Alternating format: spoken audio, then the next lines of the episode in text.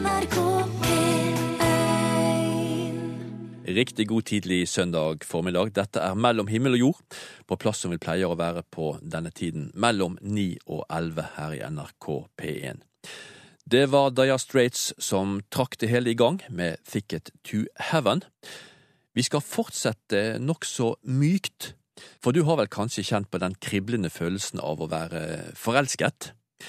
Og hvis du er heldig, så har du også kjent på følelsen av at dette er gjensidig. Og så blir du kjæreste med en annen person. Men så vet vi jo at av og til kan det være vanskelig å være i et forhold. Det kan oppstå sjalusi, en kan føle seg kontrollert og mindreverdig. Noen kan også oppleve fysisk vold. Nå i høst lanseres et nytt undervisningsopplegg for konfirmanter med mål om å forberede ungdom på livet som voksen, og hvordan man kan få et kjæresteforhold til å fungere. Ja, for det å ha en kjæreste, det er jo egentlig ganske fint. Ja, fordi det å ha kjæreste er jo litt mer spesielt enn å ha en venn. Fordi venner kan man jo ha masse av. Mens en kjæreste er jo noe som er litt mer spesielt, så man deler noe mer spesielt med enn man deler med venner. Man blir jo sånn eh, klam i himmelen hvis man er i nærheten av personen og sånn, da. I hvert fall blir jeg det. Det kiler vel litt i magen da, hvis du snakker med personen eller tenker på noe han har sagt. Ja, for det er fint å være i lag med et menneske som får det til å trekke litt ekstra på smilebåndet. Erik Holtet, Ingeborg Wendel, Ragnhild Bergquist, Renate Hovde og Ida Lysø går i 9. klasse på Blussevoll skole i Trondheim. Flere av dem har hatt kjæreste og har klare tanker om hva som skal til for å få et forhold til å fungere. Det er vel en, eh, eller ei, omsorgsfull kvinne. Som eh, bryr seg om deg og hjelper deg når du trenger det. Hva er det hun eh, skal si og gjøre for noe da, som gjør at hun viser omsorg? Bare si det rett ut. Liker du meg? og trøste hvis hun blir lei seg. Kan en si alt til kjæresten sin? Ja, fordi at hvis det er en bra kjæreste, så ville han ha hørt på henne, eller han, eller og trøsta dem, og gjerne kommet på besøk, eller gjort noe koselig, så fått de bedre humør. Jeg får tenke sånn, Hva skal kjærester gjøre på da for at det, skal være kjekt å være i det forholdet? Kanskje ikke kino, da, for det syns jeg er litt sånn upersonlig. å Bare sitte i en mørk sal i sånn en time eller to. Um, men kanskje dra ut på piknik, da, eller dra og spist eller bare vært hjemme og sett på Netflix. Hva syns du er det viktigste? At en kjæreste viser at han er glad i eh, dere gjennom på en måte handling? Det å gå ut på piknik og sånne ting? Eller det å si 'jeg er glad i deg'? Handling foran ord. Så det er noe viktigere at han viser det og tar vare på det, enn han sier det. For at det, ord betyr jo ikke noe hvis du liksom ikke følger det opp.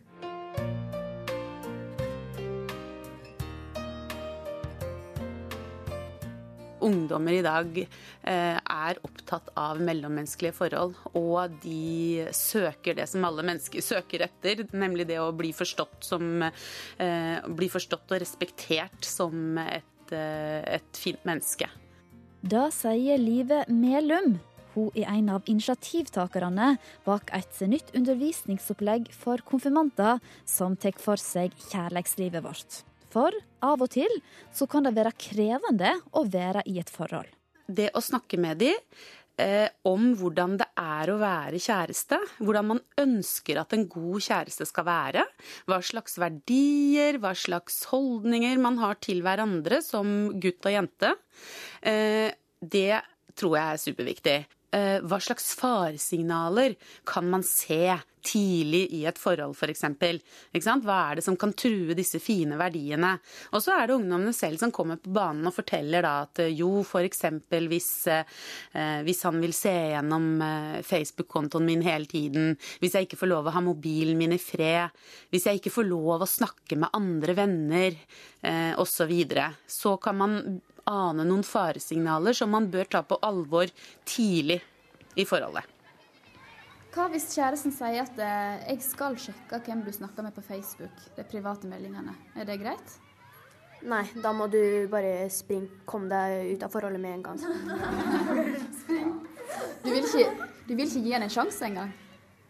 Til å forklare seg? Nei, eller? altså for når man, når, eh, ofte når man får for eksempel en følelse av kontroll, så vil man jo ofte ha mer av den følelsen av kontroll. da.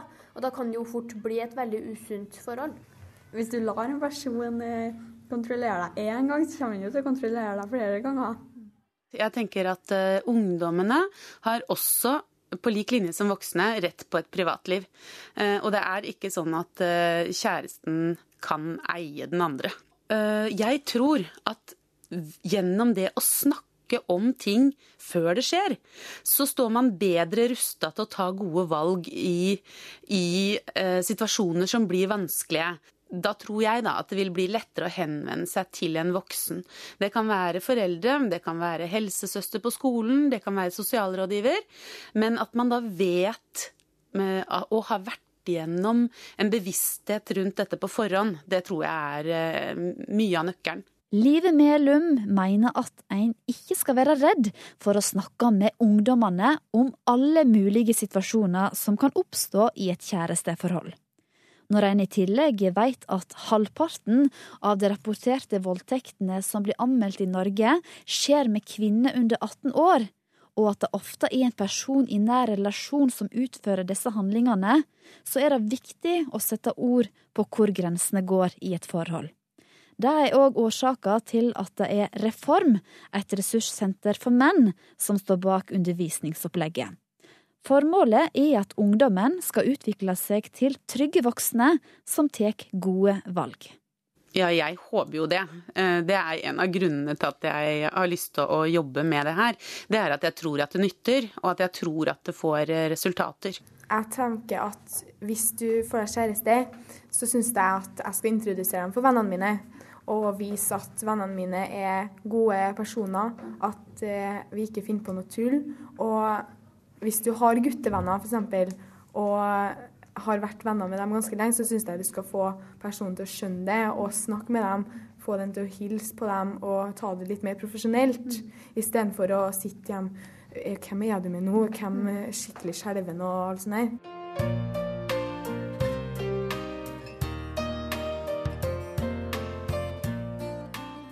For alt i alt så skal det jo være hyggelig å ha en kjæreste. En venn, en samtalepartner, en å finne på artige ting med. Gjerne gjøre noe spesielt som en venn ikke ville ha gjort.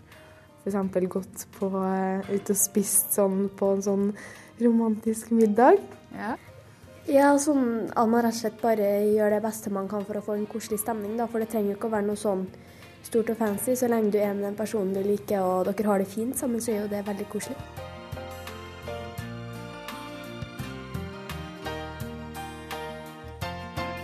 Ja, du hørte niendeklassinger fra Blussevoll skole i Trondheim. Nå i høst er det mange konfirmanter som får besøk av Live Melhum i Reform, som skal snakke med de unge om dette å ha en kjæreste. Vår kvinne var eh, Camilla Kjønn Tingvoll. Jeg heter Masi Haidari, og jeg tror på håpet.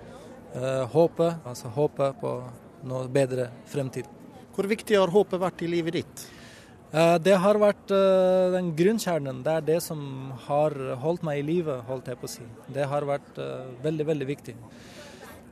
Fordi jeg har Jeg er flyktning fra Afghanistan og har hatt et kaotisk og turbulent liv og har vært i situasjoner der tilnærmet døden, men at jeg har kommet meg gjennom det og, og, og fortsatt står her, det er det takket være håp og troen som jeg hadde, som jeg står her.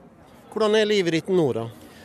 Altså, det blir helt feil å sammenligne med det jeg har gjennomgått tidligere, men jeg er utrolig takknemlig på at jeg har fått så mange sjanser, og står allikevel her og fortsatt og, og, og puster og, og lever. Det er utrolig viktig for meg. Er det mye håp i livet ditt i dag? Veldig mye. Jeg ser veldig lyst på fremtiden. Jeg har det som jeg behøver rundt meg. Og jeg lever i et, i et område der jeg kan fritt gjøre sånn som jeg ønsker. Altså, selvfølgelig innenfor rammene det som er lov her, men jeg lever mitt liv sånn som jeg ønsker å leve det. Maisi Haidairi var det som her snakket om håpet til vår kollega Kjetil Lillesæter. Du hører på Mellom himmel og jord i NRK P1. Jeg heter Erik Løkten Andersen, og jeg har laget en app som gjør at man kan melde seg ut av kirken. Og hittil i år så er det 15 000 mennesker som har lastet ned og brukt den appen. Erling, som vi hører her, han har meldt seg ut av Den norske kirke for mange år siden. Han ble rett og slett sint da han oppdaget at han fortsatt var medlem. Men dette sinnet gikk over i et engasjement, og nå har han utviklet en app slik at folk kan kunne melde seg ut på en enkel måte. Men han er avhengig av at kirken tar imot ordningen, som er helt gratis. Og nå er han spent på om kirken sier eh, ja takk. Jeg tok et veldig bevisst valg når jeg var 15 år og meldte meg ut av statskirken. Mm. Og da ble jeg, og jeg husker at jeg fikk brev i posten også, mamma og pappa kjefta på meg da jeg var 15 år for at jeg hadde meldt meg ut. og så sjekka jeg bare sånn helt tilfeldigvis for eh, ja, det var ca. et års tid siden nå. Eh, og da hadde jeg blitt meldt inn igjen. Så da hadde jeg stått i kirken i nesten 20 år eh, mot min vilje. Så det var liksom starten på engasjementet mitt, for da ble jeg så rett og slett forbanna at jeg tenkte dette går ikke an i et moderne samfunn at man skal kunne bli meldt inn i en kirke ved feil. Så da, da starta jeg først nettsida, også, som seinere ble appen. da. Men det skulle vise seg at det var ikke så lett å få godkjent denne appen her, da? Nei, dette er vel tredje runden vi har nå. Ja, Hva var det som var vanskelig? Um, nå er jeg jo blitt eh, jurist da, underveis i denne prosessen. så um, først så var det jo formkravet at det ikke var en signatur. Og så innførte vi en elektronisk signatur. Og så var ikke det godt nok. Du må faktisk ha en fysisk signatur på stykket papir og så ta bilde av den.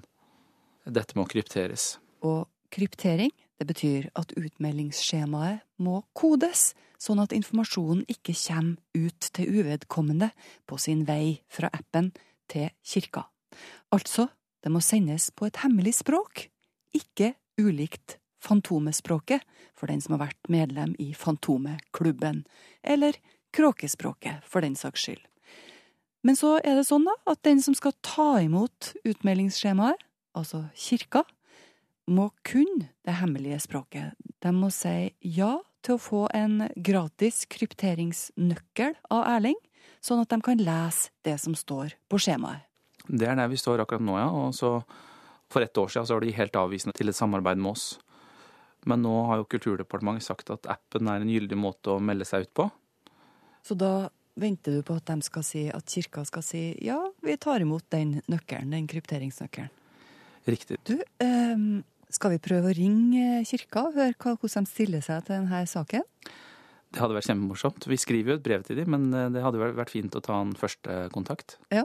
Jeg har fått et navn her. Ole Inge Bekkelund. Han er direktør i avdeling for kirkeordning, som har med denne saken å gjøre, da. Vi ja. prøver det. Ja. Ser dårlig ut, dette her, altså. Nei, jeg er frista til å si det er ofte svar man får når man prøver å snakke med kirken. jeg kan jo prøve igjen. Kanskje ja, han vi kan prøve. Men Absolutt. Kan jeg få høre litt om bakgrunnen for at du meldte deg ut? Den prosessen der? Jeg var medlem av kirken og, og syntes det var en hyggelig og fin institusjon. Eh, og alltid hatt et veldig godt forhold til kirken, både før og etterpå. Men uh, når jeg var 14-15 år, så begynte jeg å bli interessert i filosofi. Så jeg leste Fredrik Nietzsche og Jens Bjørneboe og, og, alle de store. Og så begynte jeg å tenke mer og mer på, på Gud og, og, hva det betød, og så ble jeg mer og mer uh, tilhenger av ren faktabasert vitenskap. Mm. Hvor ble det av Gud oppi alt dette her, da? Han er der fortsatt i bakgrunnen, men det er kanskje litt mer sånn at jeg håper, og, og ikke nødvendigvis uh, setter all min lit til det. Og uansett så mener jeg at man i det daglige da, så syns jeg det er veldig fint å basere seg på det man vet, og så kan man eh, tro på fritiden. Akkurat, så du er ikke helt sånn betongateist? Nei, absolutt ikke. Man, man, må være altså, En del av å være vitenskapsmann er jo å si at man, eh, man ikke kan vite sikkert. Selv om jeg får veldig mange e-poster som kaller meg antikrist, så er det langt ifra noe antikrist. Gjør du det? På begge sider av skalaen så får jeg veldig lange og varme støtteerklæringer. Og så får jeg lange tirader og skjells, skjellsord og hatbrev og trusler. Går det innpå deg, eller? Nei, det Ikke i hele tatt? Nei. Skal vi prøve en gang til? Han Ole Inge Bekkelund? Ja. Vi ja.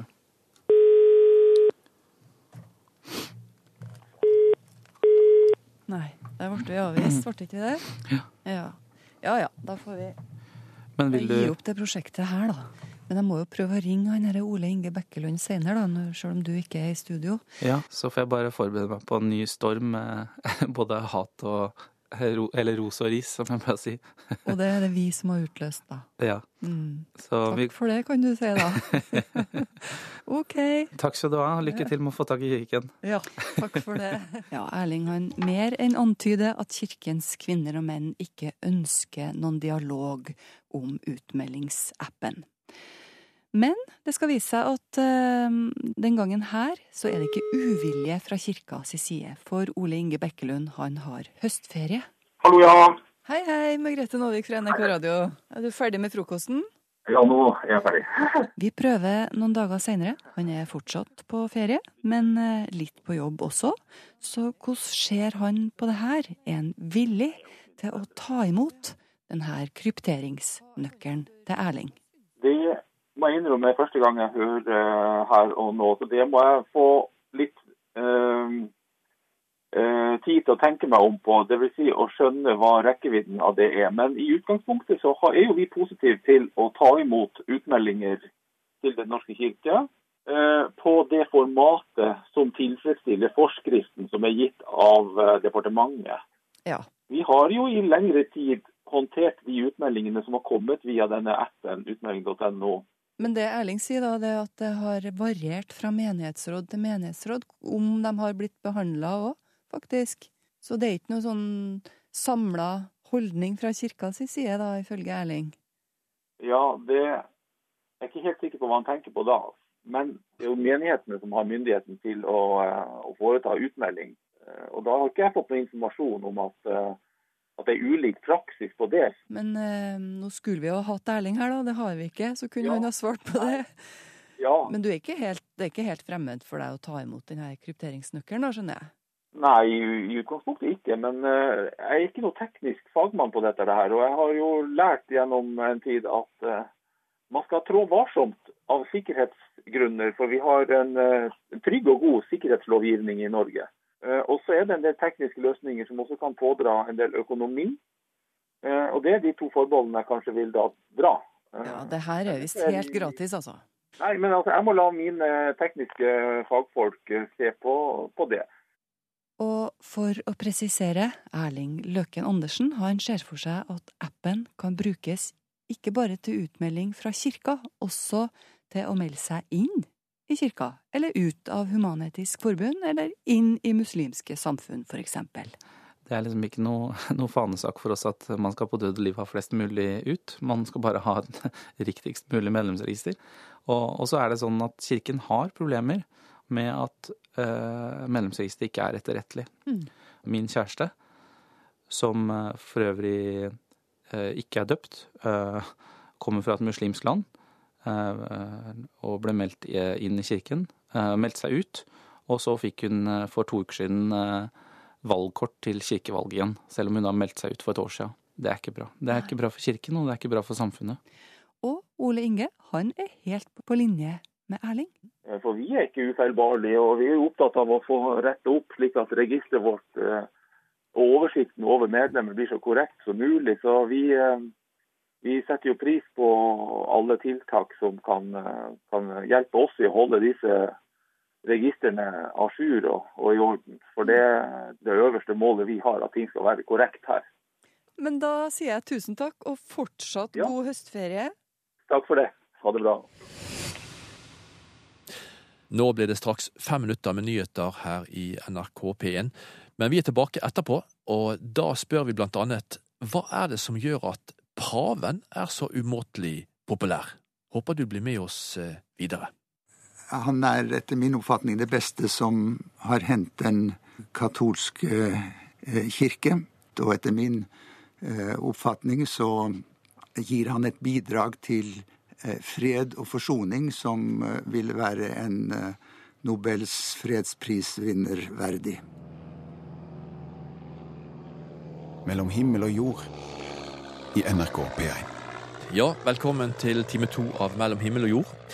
Det skal først her dreie seg om pave Frans, som nettopp har kommet hjem til Vatikanet. etter en ukes sjarmtur, får vi vel si. Først til Cuba, og så til USA. Aldri før har en pave blitt møtt med så stor jubel og forventning i Amerika. Gunnar Stålseth, som både har vært biskop i Oslo og medlem i Nobelkomiteen, foreslår nå at pave Frans får fredsprisen. Hva er det da som gjør at den eh, nye paven er eh, så populær? We still have time to make the change needed. På TV-en ser jeg paven tale til den amerikanske kongressen. Og samtidig er det som om han eh, snakker direkte til vanlige med, der jeg sitter hjemme i TV-kroken min i Trondheim. Paven er nær, og han er til stede. Gunnar Stålseth har noe av den samme opplevelsen som meg når han ser pave Frans i aksjon. Stålseth har eh, fulgt den katolske kirka på nært hold siden 1985 da han var sjef i Det lutherske verdensforbund. De som møter han, tror jeg opplever at han er der nettopp for meg. Han er der nettopp for dem. Det er altså ikke et overveldende møte, men det er et møte med et eh, medmenneske som uh, tilfeldigvis også er pave. Welcome to the USA, ropte de frammøtte på Andrews-flyplassen utenfor Washington da paven ankom USA. Der var også president Barack Obama, men eh, selv om paven eh, gjerne møter statsledere, så trives han aller best blant vanlige folk, og gjerne blant de som står eh, nederst på den sosiale rangstigen. Han er opptatt av å møte de som er ekskludert. Det er de fattige det er de i fengsel, det er de på flukt, det er de syke, de som ikke er inkludert i det vi kaller storsamfunnet. Han vil stå på deres side. På mange måter er han eh, får fram hele fortellingen i evangeliene om Jesu forkjærlighet for de fattige.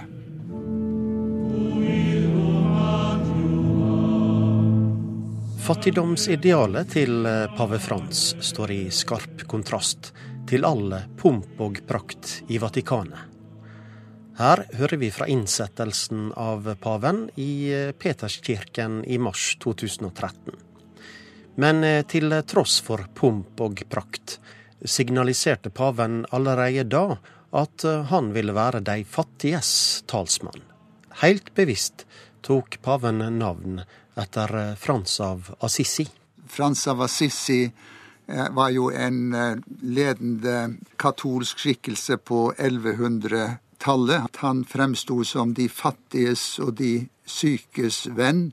Han representerte et fattigdomsideal, og han la veldig vekt på å ta vare på naturen. Todos estamos invitados, estimulados por Jesús hacernos cargo los unos de los otros por amor. Den spansktalende paven han har hatt eh, Frans av Assisi som forbilde lenge. I 2001, da han var kardinal i eh, Buenos Aires, så møtte han aids-syke pasienter. Han ba om å få møte tolv aids-syke, og han vasket føttene deres, og han kysset dem, eh, kysset føttene deres. Og det er også en, en, slags hva skal vi si, tilknytning til Frans av Assisi. I fortellingen om han er det jo da Frans sitt forhold til de spedalske som uh, går igjen. Han uh, tok deres deformerte hender og kysset dem. Og det er nok denne tradisjonen fra Frans av Assisi som pave Frans ønsker å, å formidle videre som et veldig sterkt budskap om å overvinne den stigmatisering som aids-syke har også i vår tid. Og akkurat som Frans av Assisi, så prøver paven å leve et uh, enkelt liv. I Vatikanet har han takka nei til å bo i ei tolvroms luksusleilighet med egen tjener. I stedet bor paven i ei enkel toromsleilighet i et eh, katolsk gjestehus, eh, der han spiser frokost, middag og kvelds sammen med andre geistlige og eh, gjester som er invitert til Vatikanet. I Vatikanet eller i Roma sies det at han kjører rundt i en 30 år gammel Renault. Og vi så jo nå når han var i USA at han for en del av turen reiste i en enkel Fiat, og det ble jo en snakkis i Amerika, naturligvis. Hva viser pave Frans med den enkle livsstilen sin? Jeg tror at han vil vise at uh, nestekjærlighet og uh, solidaritet blir troverdig først i praksis. Det er vanskelig å kommunisere at du bryr deg om andre hvis det bare skjer ifra talerstoler eller fra balkonger eh, eller i store høytidelige anledninger. Ja, det sa Gunnar Stålseth, tidligere biskop i Oslo. Vi skal ikke gi oss helt med å snakke om pave Frans, for selv om han er folkelig og nær, så kan han også være streng og refsende. Vi skal fortsatt rette blikket mot pave Frans.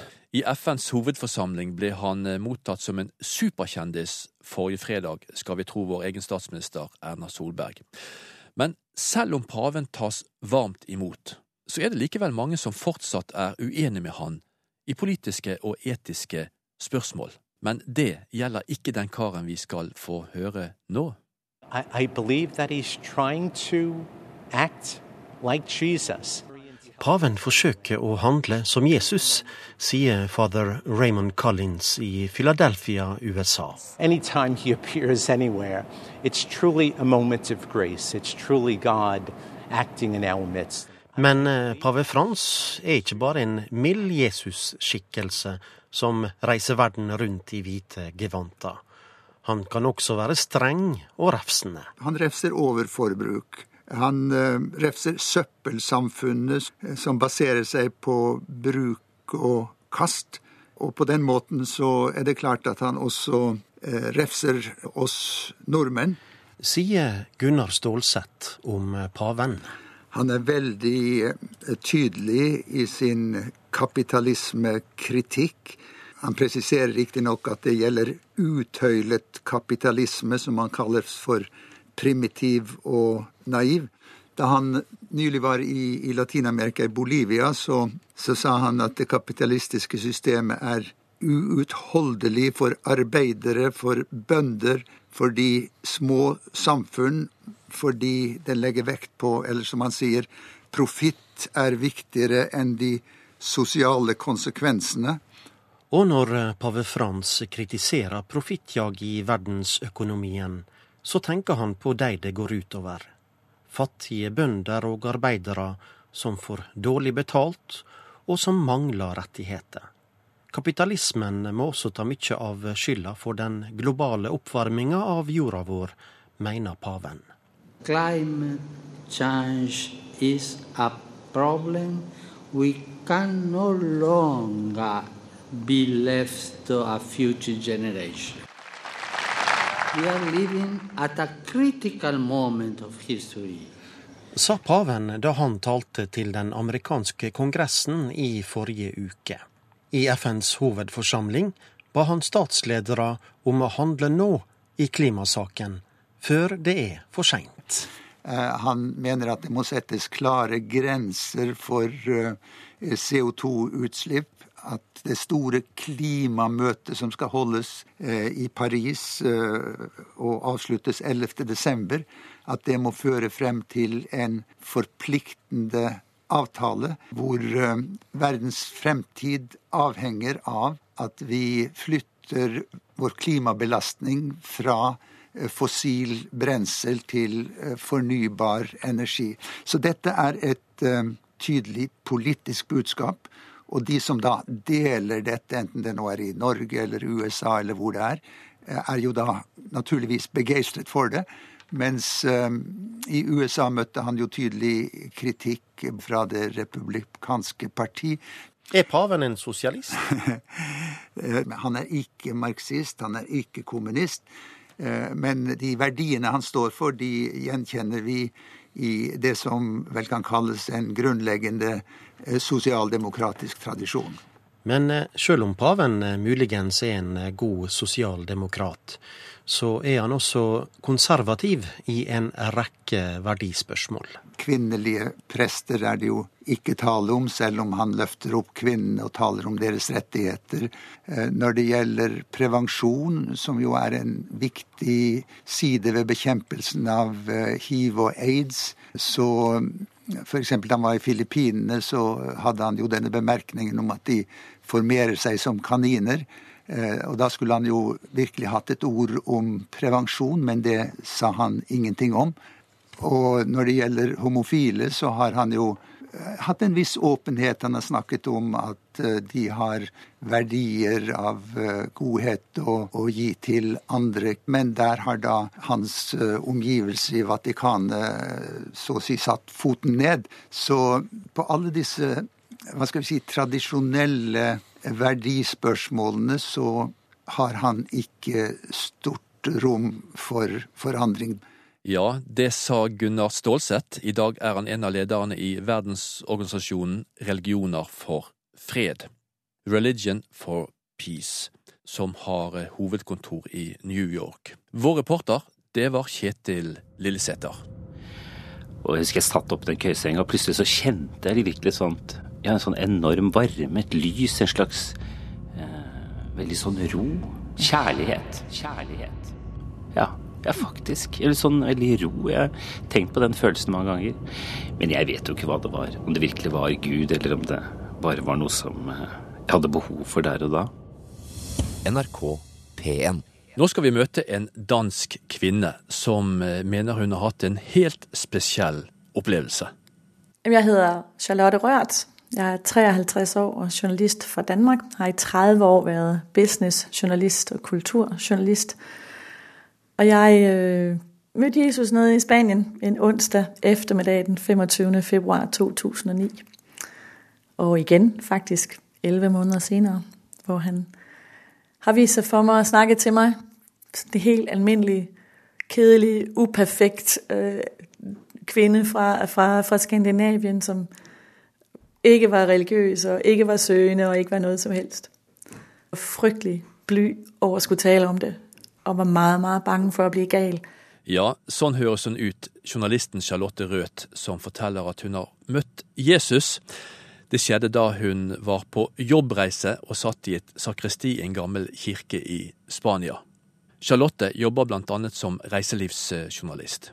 Hun regnet seg som ikke spesielt eh, religiøs. Hun kommer fra et akademisk hjem og miljø, der det er vanlig å se på slike opplevelser med et kritisk blikk. Hun forteller at hun var heller ikke i en personlig livskrise da, da dette skjedde. Men likevel så fikk hun sitt livs sjokk. Hun trodde en stund at hun holdt på å bli fullstendig sprø, da det dukket opp bilder i hennes hode med, med Jesus i hovedrollen, nærmest som en film. Jeg sitter ser det her landskap inn i en kuppel tredimensionelt. Og jeg er ikke et sekund i tvil om at det er Jesus. Jeg er ikke et sekund i tvil om det er oppe ved Genesarets sø. Så jeg ser ham i hans tid, den historiske Jesus' tid. Altså omkring år 30, sådan noget lignende. Og han går på den her vej og står stille. Og jeg kigger på ham, og så øh, jeg kigger sådan langsomt længere og længere op, og så når jeg kigger længere op, så ser jeg jo også mere og mere landskabet, og jeg ser, at der er en landsby op på, på hans venstre side, ja. en lille landsby, hvor der er nogle små flade huse, hvor der er så stof læret for, øh, for lysåbningerne. Mm. Og der går også nogle mennesker ned derfra, der går nogle børn, der går nogle kvinder, og så går der også nogle disciple, men de har ikke, noget, de har ikke nogen bagage med, de går virkelig og gestikulerer og snakker. Og så kigger jeg længere op, og så kan jeg se, at han har hår, der går ned til skulderen, og også hans skæg. Mm. Og det er sådan... Lidt skæg, jo. Ja, skæg, ja. men det er ikke særlig tæt. Mm. Det er ikke sådan et vikingeskæg. Altså, det er sådan lidt spinkelt, øh, løst skæg. Og håret er sådan let bølget, og det er, det er rødblondt. Hans arme og ben, det er sådan med lange, lange muskler på, og sådan senet, som vi kalder det på dansk. Flot skikkelse. Ja, en rigtig flot skikkelse, og, og en flot holdning. Ja. Men så du øynene på han da? Ja, ja, det kommer, det kommer. Ja. men det er jo fordi, jeg, jeg sidder der, og det der kan være, virke mærkeligt, det er, at jeg føler ikke, at jeg skal skynde mig. Nej. Det er god tid. Ja, Mm. der er en stemning af, at jeg har god tid, og han venter på mig. Og det er jo virkelig mærkeligt. Jeg har en oplevelse af, at han venter på mig, indtil jeg er færdig. Og jeg bliver nødt til at gøre det langsomt, fordi det, det, der skal meget mod til at kigge op i Jesus ansigt. Altså, det skal der. Charlotte forteller meget detaljert om denne opplevelsen, og etter flere år med kvaler, samtaler med psykiater, prest og familie og venner, bestemte hun seg for å skrive ned opplevelsen. Det ble til boken Jeg møtte Jesus, som ble utgitt fredag 30. januar i år, og utsolgt mandagen. Siden har den lagt på bestselgerlisten i Danmark. Nå er den også oversatt og utgitt her i Norge. Selv om Charlotte nå sikkert har fortalt denne historien en del ganger, merkes det at hun fremdeles blir rørt og fascinert. At hvis jeg skulle se en flott mann, så er det den flotteste mann jeg noensinne har sett. Altså, om han så bare gikk på gaden og ikke var Jesus, så ville jeg også vende meg om efter ham. Men jeg hadde ikke sett noen der var lige så flott som ham, hverken før eller siden. Og så har han noen fantastiske øyne som er annerledes enn jeg hadde ventet. Hva var annerledes med de, da? Dels så var de jo så grønne, blå og grå. Altså de var meget sådan lyse i det, men havde mange farver. Og dels så kigger han på mig ikke med kærlighed, men med venlighed. Mm. Og det er noget helt andet. Øhm, det er en, et, et blik, der, der umiddelbart fortæller mig, at det er godt, at jeg er til. Og ikke mere. Altså der er ikke noget med, øh, jeg elsker dig, fordi du er dejlig, eller hvor er du spændende, eller nu skal vi lave noget ret sammen. Nej, det er bare helt roligt, øh, som det hedder på dansk, altså sådan helt øh, dybt venlighed, accept. Mm. Det er godt, du eksisterer. Rent på en måte? Fuldstændig rent. Ja. Altså der er ingen krav, Nej. og der er ingen, øh, øh, ingen aktion, ingen handling, ingen, øh, ikke andet end, at det er godt, du er til. En kæmpe stor accept, uden forbehold. Mm. Og, og sådan et blik har jeg ikke oplevet at blive set på, hverken før eller siden. Det, er helt anderledes. Fordi kærlighed, det kender jeg jo godt. Jeg har jo en vidunderlig mand og nogle vidunderlige drenge, og, og, og, og når jeg ser på dem, og når de ser på mig, så er der jo masser af kærlighed. Mm. Men det er forbundet med noget. Det er forbundet med, jamen jeg vil gerne have børn med dig, eller det er jeg glad for, at du er min mor. Altså der er ligesom hele tiden noget andet med. Det er ikke bare en accept af, det er godt, du er til, men det var det her. Sier Charlotte Røth om det hun mener var et, et, et treff med Jesus. Hun skal si litt mer om dette. Hvorfor akkurat hun skulle få et slikt syn? Og hvordan i all verden kunne hun vite at det var akkurat Jesus hun så? Hun som knapt visste noe om han på forhånd. Du lytter til Mellom himmel og jord her i NRK P1. Vi snakker akkurat nå med Charlotte Røth, som for noen år siden, i 2009, har fortalt at hun plutselig i et syn ble satt 2000 år tilbake i tid, og fikk kontakt med Jesus, ingen ringere, i det miljøet han levde i den gang. Hun har fortalt at hun ble totalt overrasket, rørt, forvirret, og trodde en periode at hun var blitt sprøyta gal.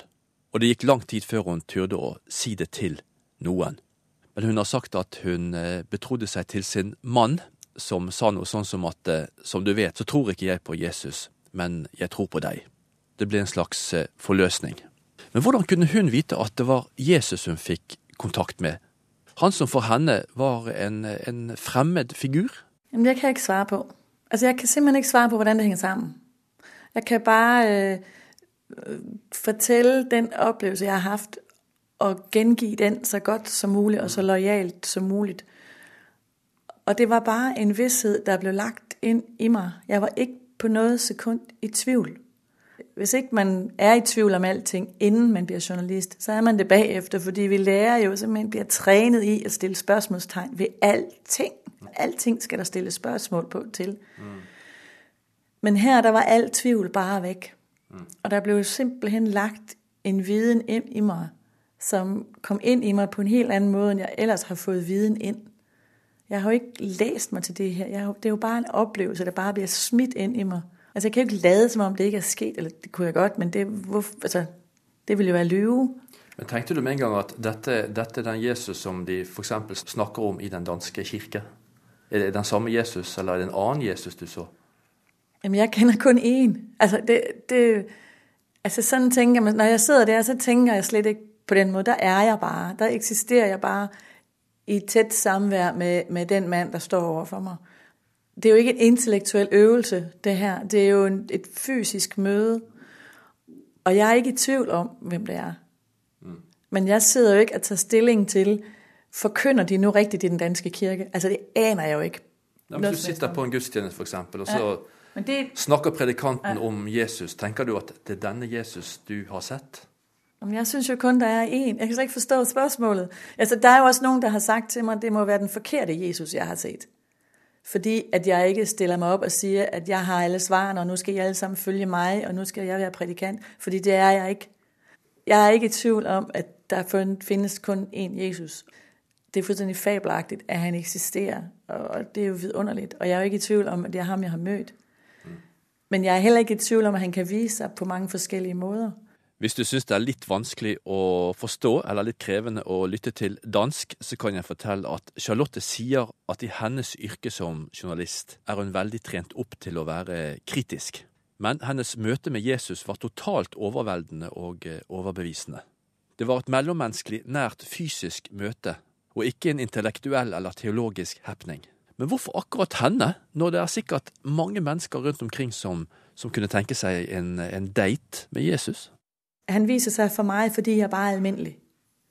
Fordi almindelig. jeg er bare en vanlig kone med børn og mand og arbejde, og, øh, og hverken specielt god, eller specielt dårlig, eller specielt dygtig, eller specielt sød. Jeg er bare helt almindelig. Og det er derfor, han viser sig for mig. Og det er jo for at fortælle, at hvis han viser sig for mig, kan han vise sig for alle. Og hvis han kan vise sig for alle, så betyder det jo også, at han elsker alle. At han, han er der for alle. Men mange syns jo det er blodig urettferdig. Det det at han kan vise seg for alle. Og så sitter du her, en av de veldig få som han har vist seg for. Det er jo litt rart, da. Men det er da urettferdig. Det, det er det da. Men, men, jeg kan jo ikke altså, Du kan kjempe for det? Nei, jeg har ingenting gjort for det. Og jeg har jo møtt uh, misunnelse. Det er klart at når han viser seg for sånn alminnelig en, så kræver det ydmyghed både af mig, men også af alle dem, der hører min historie. Mm. At hvis han elsker os, uanset hvor, hvor dumme vi er, og hvor uelskelige vi er, så bliver vi jo også selv nødt til det. Mm. Og det er der krævende, at vi skal dels elske os selv, selvom vi er uperfekte, men vi skal også elske vores ægtemænd, eller vores venner, eller vores nabo, eller vores flygtning, eller hvem der kommer, som også er uperfekte. Og det er jo voldsomt store krav. Det ville jo være meget nemmere, hvis han kun viste sig for mennesker, der havde været nonner eller munke i 40 år. For så behøvede vi jo ikke at tage det alvorligt. Mm. Så kunne vi jo sige, det har noget med dem at gøre. Mm. Det har ikke noget med os at gøre. Og derfor synes jeg jo, at og det var det også, der gik op for mig langsomt, at det budskab, der ligger i, at han har vist sig for mig, det er så stærkt. Charlotte innrømmer at opplevelsen gikk sterkt inn på henne. På den ene siden trodde hun som sagt at hun holdt på å bli sprø. Men hun ble også svært emosjonell. Efter mødet med ham, der tør jeg jo ikke si hans navn, fordi hver gang jeg sier det, så græder jeg helt vildt. Mm. Der er noen måneder derefter hvor jeg Altså jeg tager 15 kilo. Jeg begynner også å ha en masse andre oplevelser, som handler om å få... Jeg lyser. Altså folk på arbeidet kaller meg glødepæren, fordi jeg går og lyser. Lyser? Ja, jeg lyser. Ja, og folk de kommer og stopper meg på gaden og øh, siger, at de kan se, hvad jeg har været igennem. Øh, og det er også, når jeg er ude at rejse, at der kommer nogle nonner hen til mig og, og siger, hvor er det dejligt, du har mødt Jesus. Og det, og det, altså, det kan jeg jo ikke, jeg kan ikke svare på, hvorfor de kan se det. Men det kan de.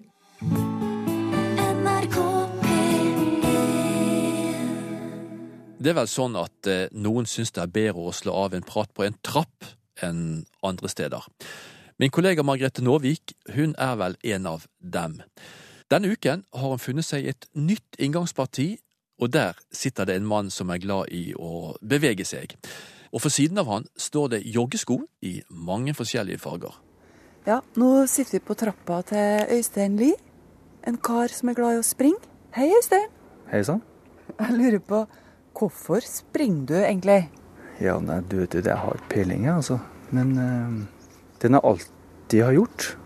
Og da velger jeg liksom tro at det er en del andre som har slutta å springe, vet du. Så du tenker egentlig på hvorfor vi slutter å springe? Er det det du sier? Ja, jeg vil nesten påstå det, ja. Men får du til å forklare hva som skjer da, når du springer, for du sier at du vil gjenskape denne følelsen. Hva, hva består den i? Det er jo det som har eh, greie på det, sier at det er noe fysiologisk som skjer. Det er blodet suser rundt kroppen. Eh, inkludert også skolten. Så har man noen forstyrrelser. Ingen telefon, ikke noen som maser på deg, og du springer der uh, som regel alene. Og da har du jo bare hodet ditt å forholde deg til, og det som skjer oppi der. Og det, det her var ikke genialt, men det var en tanke her. Akkurat som du fikk mens du sprang? Ja. ja. Og så er jo det at Kan jo hende at den tanken var lur. Men, så, men det fester jo ikke seg. Det bare glipper unna. Ja. Og det er kanskje der magien ligger. da. Du funderer ikke så mye, men samtidig så gjør du det. Det er jo veldig mange som har gått seg til sine beste tanker, eller kanskje til og med løpt seg til sine beste tanker, og tror egentlig at det i bunn og grunn er en slags frakobling, altså. På et mm. eller annet. Og den kan man få på mange vis, ikke bare løping. Tom Waits han var jo ute og kjørte bil. Så stopper han biler og går ut, og så tar han knyttneven mot himmelen og sier Satan, det, det, der glapp. For han visste at han hadde ikke noe å fange ideen med. Men jeg, ikke, jeg er ikke like genial som han, så for meg så er det bare fine såpebobler på livets kronglete vei, eller noe sånt. Da. Og når du kommer tilbake fra den joggeturen, så ja, det, Jeg vil jo ikke si at jeg, at jeg er på en måte et bedre menneske, det vil jeg jo ikke si. Men jeg er i hvert fall ikke et dårligere menneske. Men Øystein, hva hadde skjedd med deg hvis du hadde fått beskjed i dag nå skal ikke du springe noe mer? Da ville jeg kanskje gjort som veldig mange har, begynt med å sykle. hvis du ikke kunne bevege deg? Ja, Hvis du fikk en knekk i ryggen og ble sittende, liksom? Jeg har tenkt ganske mye på det, fordi mm, jeg har en uh, far som ikke kan bevege seg. Om hvordan han, han har det. Men jeg ser jo på han at han, at han har det godt. Jeg tror vi mennesker klarer å dytte oss i eh, retninger som gjør til at vi, hvis med riktig innstilling kan ha det godt. Uavhengig av hva vi kan gjøre og ikke gjøre.